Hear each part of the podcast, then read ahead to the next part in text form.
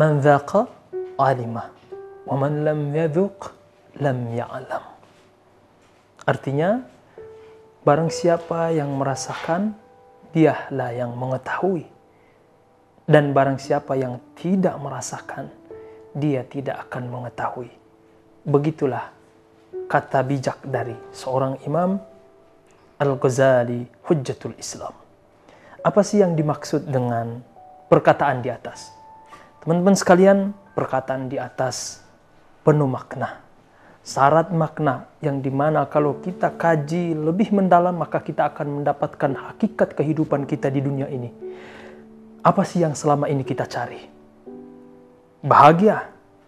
Tapi betapa banyak orang yang salah menafsirkan tentang bahagia itu sendiri Padahal dari perkataan Imam Ghazali di atas itulah hakikat kebahagiaan yang selama ini dicari oleh manusia.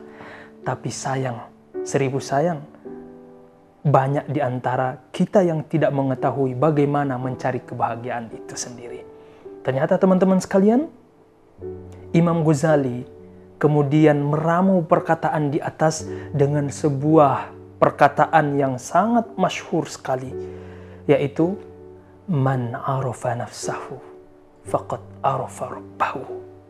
Barang siapa yang mengetahui hakikat dirinya, maka dia akan mengetahui Tuhannya. Dan barang siapa, kata Imam Ghazali, yang mengetahui Tuhannya, maka dia akan mengetahui apa itu bahagia. Ternyata teman-teman sekalian, itu selaras dengan perkataan Imam Ghazali di atas. Man alima wa ma lam yadhuk lam ya'lam. Barang siapa yang merasakan, dia akan mengetahui.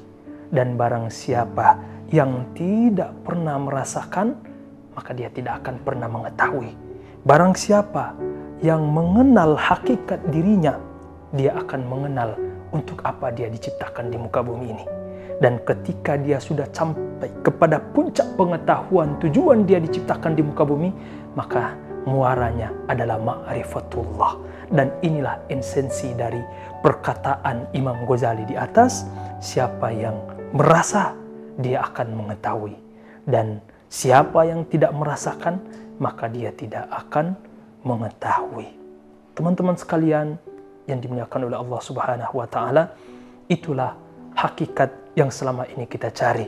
Ala bi dzikrillahi tatmainnul qulub berzikir, mengingat Allah, itulah puncak kenikmatan, yaitu merasakan kebahagiaan.